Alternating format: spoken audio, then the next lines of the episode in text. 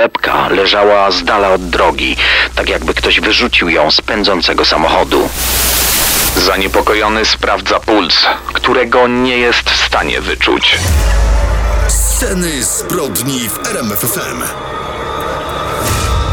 Przeglądaliśmy ostatnio akta archiwalnych spraw kryminalnych i to, co nas uderzyło, to te czarno-białe fotografie. Na nich twarze eleganckich, gustownie ubranych kobiet, fryzura zdradzająca czasy tuż po wojnie światowej, delikatnie pozowany uśmiech. Rozmawialiśmy o tym, jak wiele jest takich dziewczyn, po których pozostało właściwie jedynie to zdjęcie, jedyna pamiątka, ostatni ślad. Los, jaki je spotykał, był naprawdę okrutny. Dziś opowiemy historię dwóch kobiet z takich czarno-białych fotografii. Za moment nauczycielka i królowa piękności zniknęła po wielkanocnej spowiedzi. Ówczesne gazety pisały, że zamordował ją któryś z adoratorów, że jeden z bogatych obywateli, który zmarł na atak serca wkrótce po jej zaginięciu, że to on był winny. Ale o jednym tropie żadna z gazet nie odważyła się pisać, a miasto szeptało o prawdopodobnym sprawcy, robiąc na wszelki wypadek znak krzyża, jakby odganiając myśl, że te plotki mogłyby być prawdziwe. A później sprawa Teresy Tarwit, najgłośniejszy proces poszlakowy w powojennej historii Polski. Daniel Dyk i Kamil Barnowski prezentują Sceny zbrodni w RMFFM. Teraz mamy przed oczami zdjęcie latynoskiej piękności. Modna fryzura z przełomu lat 50. i 60. Czarne włosy, czarne oczy, młoda, uśmiechnięta w pięknej sukni ze sznurem białych pereł na bladej szyi. Jest 16 kwietnia 1960 roku. Irene Garca ma 25 lat. Jest amerykańską nauczycielką o cudownym uśmiechu i pogodnym głosie. Jej uczennice ją podziwiają. Jej uczniowie się w niej podkochują. A zresztą nie tylko uczniowie, także pewnie niektórzy tatusiowie. Irene ma na swoim koncie tytuł królowej piękności, ale tego dnia nie myśli ani o swojej urodzie, ani o szkole. Jest Wielkanocna sobota. Jutro Wielkie Święto. Irene zmierza do kościoła, do świątecznej spowiedzi. Kościół katolicki w mieście McAllen, słynna dolina Rio Grande, Teksas. To, co wydarzyło się później, było przedmiotem trwającego przez 57 lat śledztwa. Dodajmy, że śledztwo wznowiono ponownie w roku 2015. Wówczas udało się ustalić sprawcę. I mimo, że był w podeszłym wieku, dosięgła go słynna karząca ręka sprawiedliwości. Irene Garza przyszła na świat 15 listopada 1934 roku i praktycznie całe swoje życie związana była z McAllen. W tej miejscowości rodzice, Nicolas i Josefina, mieli swoją pralnię chemiczną, która przyniosła im małą fortunę. Dzięki pieniądzom udało im się przenieść z biednej dzielnicy na południu miasta do północnej, willowej części miasta, pełnej luksusowych rezydencji. Spełniał się więc piękny sen 15-letniej Irene. Nowy, wspaniały dom, piękna, ekskluzywna okolica, bezpieczna, pełna dobrych szkół. Nie wspomnieliśmy, że Irene była latynoskiego pochodzenia. W USA lat 40. i 50. latynosom nie było łatwo awansować w tej drabinie społecznej. To ja wtrącę tylko, że to były czasy, gdy w jedynym w mieście basenie latynosom nie wolno było pływać, tylko dla białych obywateli. Irene udało się przekroczyć granice podziałów rasowych. Dam przykład. Dziewczyna trafiła do Magalen High School. Tu została, co odnotowała szkolna kronika, pierwszą latynoską, która trafiła do tutejszej drużyny mażoretek. Przy okazji szkolnych uroczystości podrzucała tak zwany baton, czyli taką specjalną pałeczkę, która wirowała w powietrzu, no i zawsze zręcznie była przez nią chwytana. Albo jako główna mażoretka w galowym stroju wybijała rytm, do którego maszerowała reszta dziewczyn. Stać na czele mażoretek w liceum to było spełnienie marzeń każdej ówczesnej amerykańskiej uczennicy. Urok, z jakiego słynęła, zachęcił ją także do startowania w konkursach piękności. W trakcie studiów zyskała tytuł królowej balu College'u Pan American w Edynburgu. Zyskała także koronę Miss w wyborach All South Texas Sweetheart, czyli konkursie piękności południowego Teksasu roku 58. Wdzięk, uroda, do tego nieźle się uczyła, była pierwszą w swojej rodzinie, która dostała się na studia. Nic dziwnego, że lubiła szkołę na tyle, by zostać nauczycielką i to nauczycielką z misją, z pasją. Sama mieszkała obecnie w bogatym domu, ale nie zapomniała skąd się wywodziła. Została nauczycielką klas początkowych w podstawówce Fikpen w tej ubogiej południowej części McAllen. Przydzielono jej drugą klasę. Część jej uczniów do szkoły przychodziła boso, bo nie stać ich było na buty. Swoją pierwszą pensję nauczycielską przeznaczyła niemal w całości na to, by kupić dzieciom ubrania i potrzebne podręczniki. Z tamtego czasu zachował się pożółkły już list, który Irene napisała do swojej przyjaciółki. Pochwaliła się, że choć jest osobą nieśmiałą, poczuła się pewniej, gdy doceniono jej zaangażowanie w pracę w szkole. Została sekretarzem Stowarzyszenia Rodziców i Nauczycieli PTO, które to działa na rzecz dobra uczniów. Irene należała również do tak zwanego Legionu Maryi. W liście pisała, że co dzień uczęszcza na mszę do kościoła i każdego dnia przyjmuje komunię. Przez cały czas mieszkała w domu rodziców. 16 kwietnia 1960 roku powiedziała mamie i tacie, że pożycza ich samochód. Chce pojechać do pobliskiego kościoła Najświętszego Serca na wielkanocną spowiedź. Do przejechania ma 12 przecznic. Wyszła z domu około 18.30. Obiecała mamie, że nie zajmie jej to długo. Kiedy wieczór robił się coraz późniejszy, a Irene nie wracała do domu, rodzice zaczęli się niepokoić. Jednak wiedząc, jak żarliwą ich córka jest katoliczką, uznali, że pewnie została w kościele dłużej na jakieś wielkanocne czuwanie przy grobie pańskim albo na tę wyjątkowo długą mszę rezurekcyjną, w końcu to Wigilia Paschalna. Ale wieczór zmienił się w noc. Państwo Garza nie mogli z niepokoju zmrużyć oka. Gdy w końcu wybiła trzecia, a córki wciąż nie było w domu, natychmiast udali się na posterunek policji zgłosić zaginięcie. Wielkanoc tego roku pozostała niezapomniana, ale nie była rodzinnym świętem pełnym radości. Ostatni raz widziano ją w kościele, gdy w Wielką Sobotę udała się do świątecznej spowiedzi. Wiele osób zapamiętało, a to jak uklęknęła i przeżegnała się po wejściu, a to modlącą się w ławce, a to jak zakładała na głowę koronkowy woal. Jednak nikt nie zwrócił uwagi, czy i kiedy wychodziła z kościoła. Samochód jej rodziców stał wciąż zaparkowany w pobliżu świątyni. Gdy nie zjawiła się w domu przez całą niedzielę, ruszyło śledztwo. W poniedziałek 18 kwietnia przypadkowy przechodzień odnalazł przy poboczu jezdni McCall Road lewy but na wysokim obcasie, który jak się okazało należał do zaginionej. Rodzina zapamiętała, że do spowiedzi dziewczyna włożyła właśnie takie beżowe czułenka marki Fiances. But był niepokojąco zarysowany i zniszczony. To był pierwszy ślad, pierwsze potwierdzenie, że kobietę mogło spotkać jakieś nieszczęście. Następnego dnia, 300 metrów dalej, kolejny przechodzień natknął się na czarną, lakierowaną torebkę należącą do Irene. Leżała rzucona z dala od tej drogi, na środku jakiegoś pola. Tak jakby ktoś wyrzucił ją z pędzącego samochodu. W torebce odnaleziono prawo jazdy z nazwiskiem Irene Garza. Policja wraz z ochotnikami postanowiła metr po metrze sprawdzić tę drogę. Kawałek dalej, w zaroślach, znaleziono zmiętą białą koronkę, którą miała na sobie w kościele. W kolejnych dniach 70 funkcjonariuszy na koniach przemierzało okoliczne sady pomarańczowe w poszukiwaniu ciała Irene. Dziesiątki innych chodziło od domu do domu, przeszukując mieszkania w dzielnicach wokół kościoła, zwracając uwagę na ewentualne podejrzane zachowania, sprawdzając skrytki i zakamarki. Nurkowie przeglądali wody kanałów nawadniających. W akcji brały udział nawet dwa samoloty. Z powietrza próbowano wypatrzeć porzucone ciało kobiety. W tamtym czasie to były największe poszukiwania w historii Doliny Rio Grande. Sprawdzono setki poszlak. Nie brakowało też dziwnych, jak to powiedzieć, sytuacji. Jakaś kobieta zadzwoniła do domu Garza i powiedziała rodzicom, że jest Irene, że została porwana, że przetrzymują ją w hotelu w sąsiedniej miejscowości Hidalgo. Policjanci rzucili się do tego hotelu, ale to okazało się głupim żartem. Jakiś mężczyzna w barze powiedział jednej z kelnerek, że zabił Irene, ale gdy wytrzeźwiał, wszystkiemu zaprzeczył. Takie głupie żarty. Tym okrutniejsze, że 21 kwietnia, w czwartek po Wielkanocy o godzinie 7.40 rano, odnaleziono ciało zaginionej nauczycielki.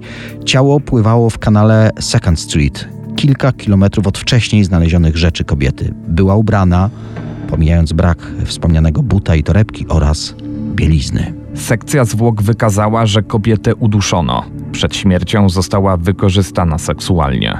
Napastnik wcześniej dotkliwie ją pobił. Użył jakiegoś twardego przedmiotu. Umiejscowienie siniaków na twarzy świadczy, że sprawca bił ją, aż straciła przytomność i dopiero wówczas kobietę zgwałcił.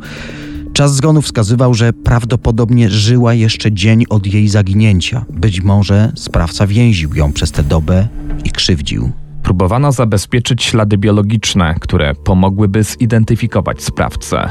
Nie znaleziono jednak żadnych. Prawdopodobnie wszystkie zostały zmyte przez wodę w czasie tych kilku dni, gdy ciało leżało w kanale. Kawałek dalej udało się natrafić na ślad buta. W tym odcisku w błocie znaleziono również kosmyk włosów Irene. Obok ślady opon.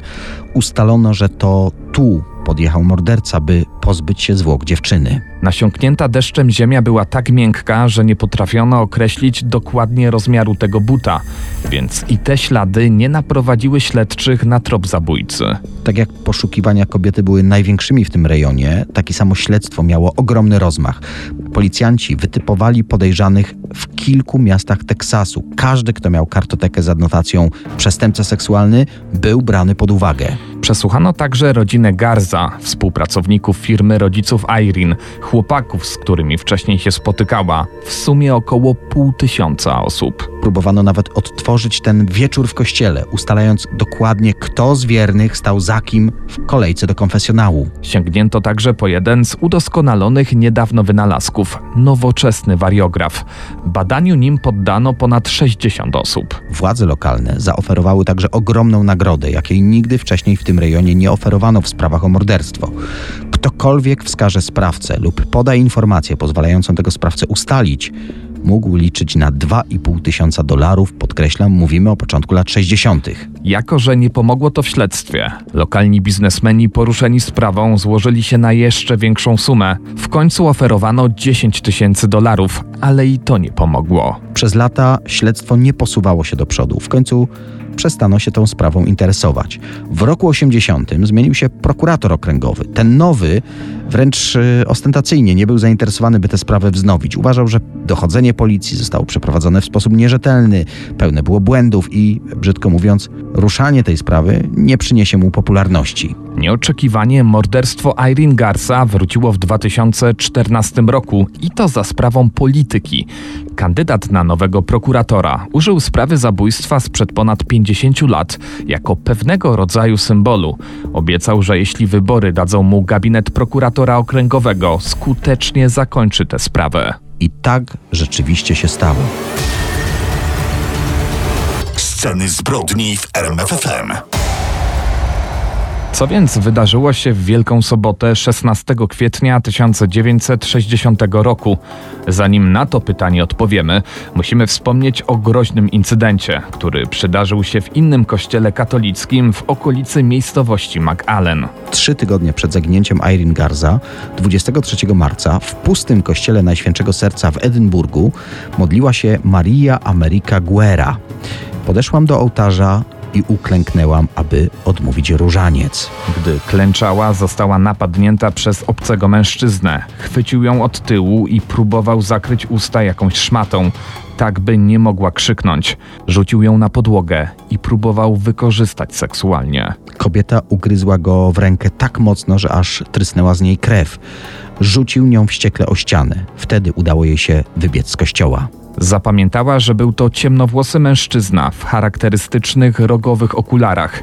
Wspomniany czyn wywołał zgorszenie tamtejszej społeczności. Dość szybko ustalono, że napastnikiem był przebywający tu akurat gościnnie duchowny z innej parafii, 27-letni ksiądz John Fight. Lokalni przywódcy kościoła oburzonym wiernym tłumaczyli, że niemożliwym jest, by ksiądz mógł dokonać tak potwornych czynów i że ich posądzenia nie mają żadnych podstaw. Duchowny potwierdził, że był wówczas w tym kościele, ale zaprzeczył, by miał jakikolwiek związek z tą brutalną napaścią. Mimo to został oskarżony o próbę gwałtu. Dowody wskazywały na niego. Jednak z przyczyn proceduralnych pierwszy proces skończył się bez wyroku, a w drugim na wniosek samego oskarżonego zgodzono się, by zapłacił on 500 dolarów grzywny i po sprawie. Ten właśnie ksiądz, John Bernard Fight, był od wielu miesięcy stałym spowiednikiem Irene Garza, odkąd trafił tu zaraz po szkoleniu w seminarium w San Antonio. Czasem zdarzało się również, że zamiast spowiadać ją w konfesjonale, zapraszał ją na spowiedź mniej formalną, na plebanii. I tak też było w wielkanocną sobotę roku 1960. Tam spotkał Irene, ale z plebanii wrócił sam. Wierni stojący w kolejce do spowiedzi zwrócili uwagę, że tego wieczora dziwnie się zachowywał.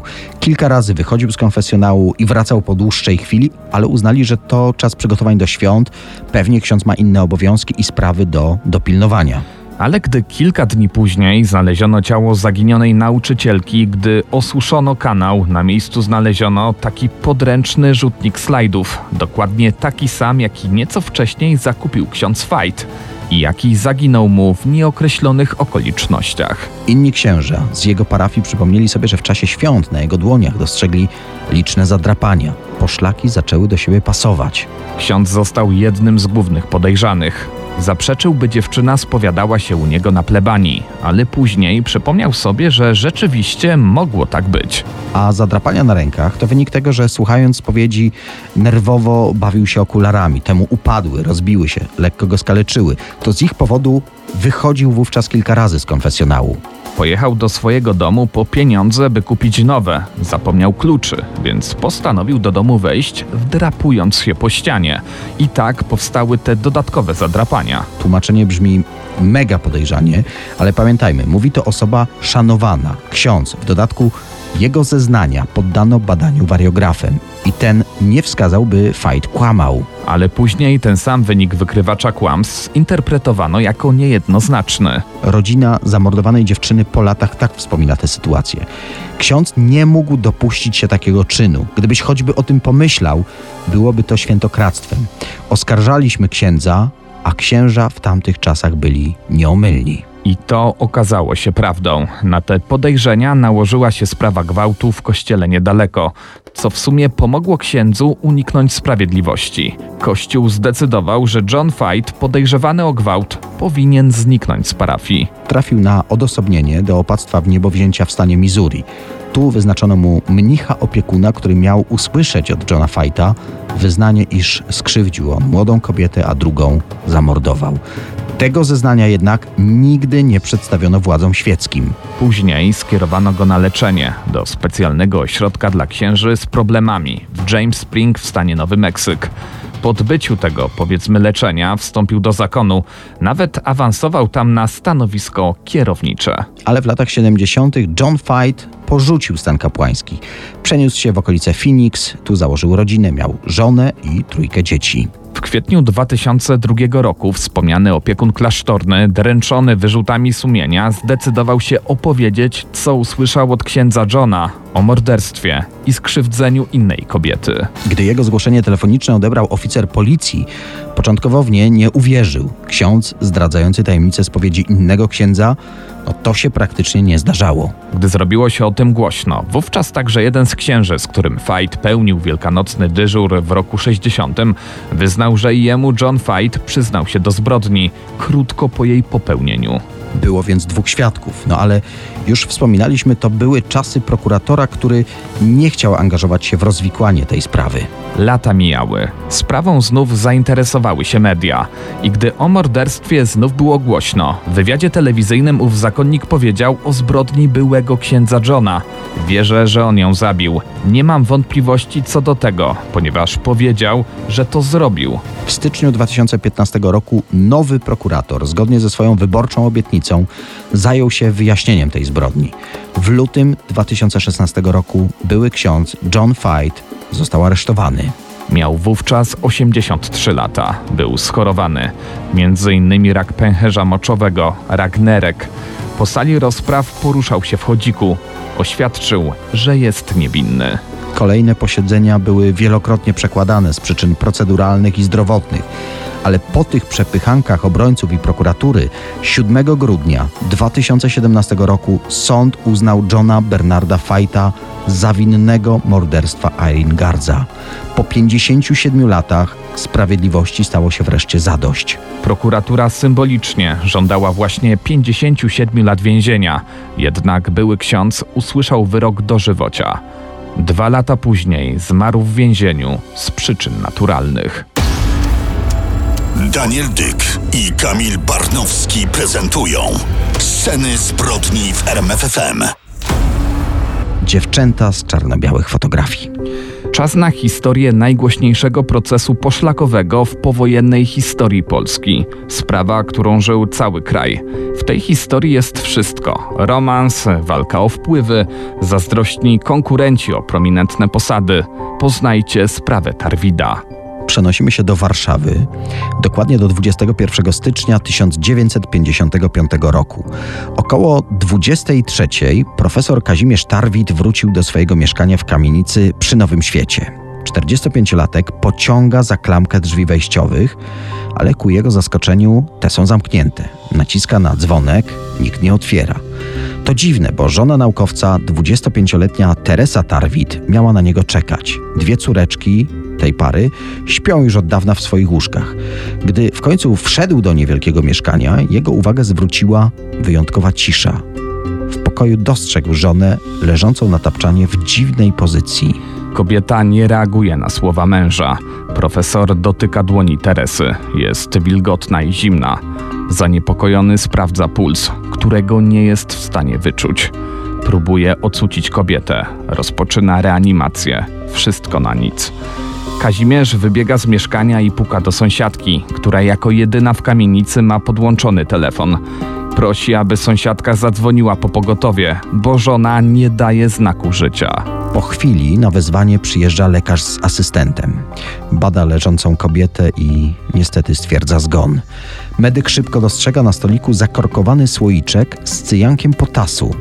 Profesor podkreśla, że naczynie z trucizną przyniosła jego żona z uczelni do celów naukowych. Jednak, jak zapamiętał, gdy wychodził, słoik znajdował się w łazience. Podejrzliwy lekarz zauważył, że mężczyzna bardzo spokojnie przyjął informację o śmierci ukochanej. Nie zauważył u profesora rozpaczy ani większych emocji po stracie najbliższej osoby. To w połączeniu z cyjankiem w mieszkaniu zmusiło go do poinformowania milicji obywatelskiej. Śledczy przybyli na miejsce zdarzenia. Zgodnie z ówczesnymi możliwościami analizują miejsce potencjalnej zbrodni. Na stoliku, obok którego leżała denatka, zabezpieczają ten słoik ze zbrylonym cyjankiem potasu.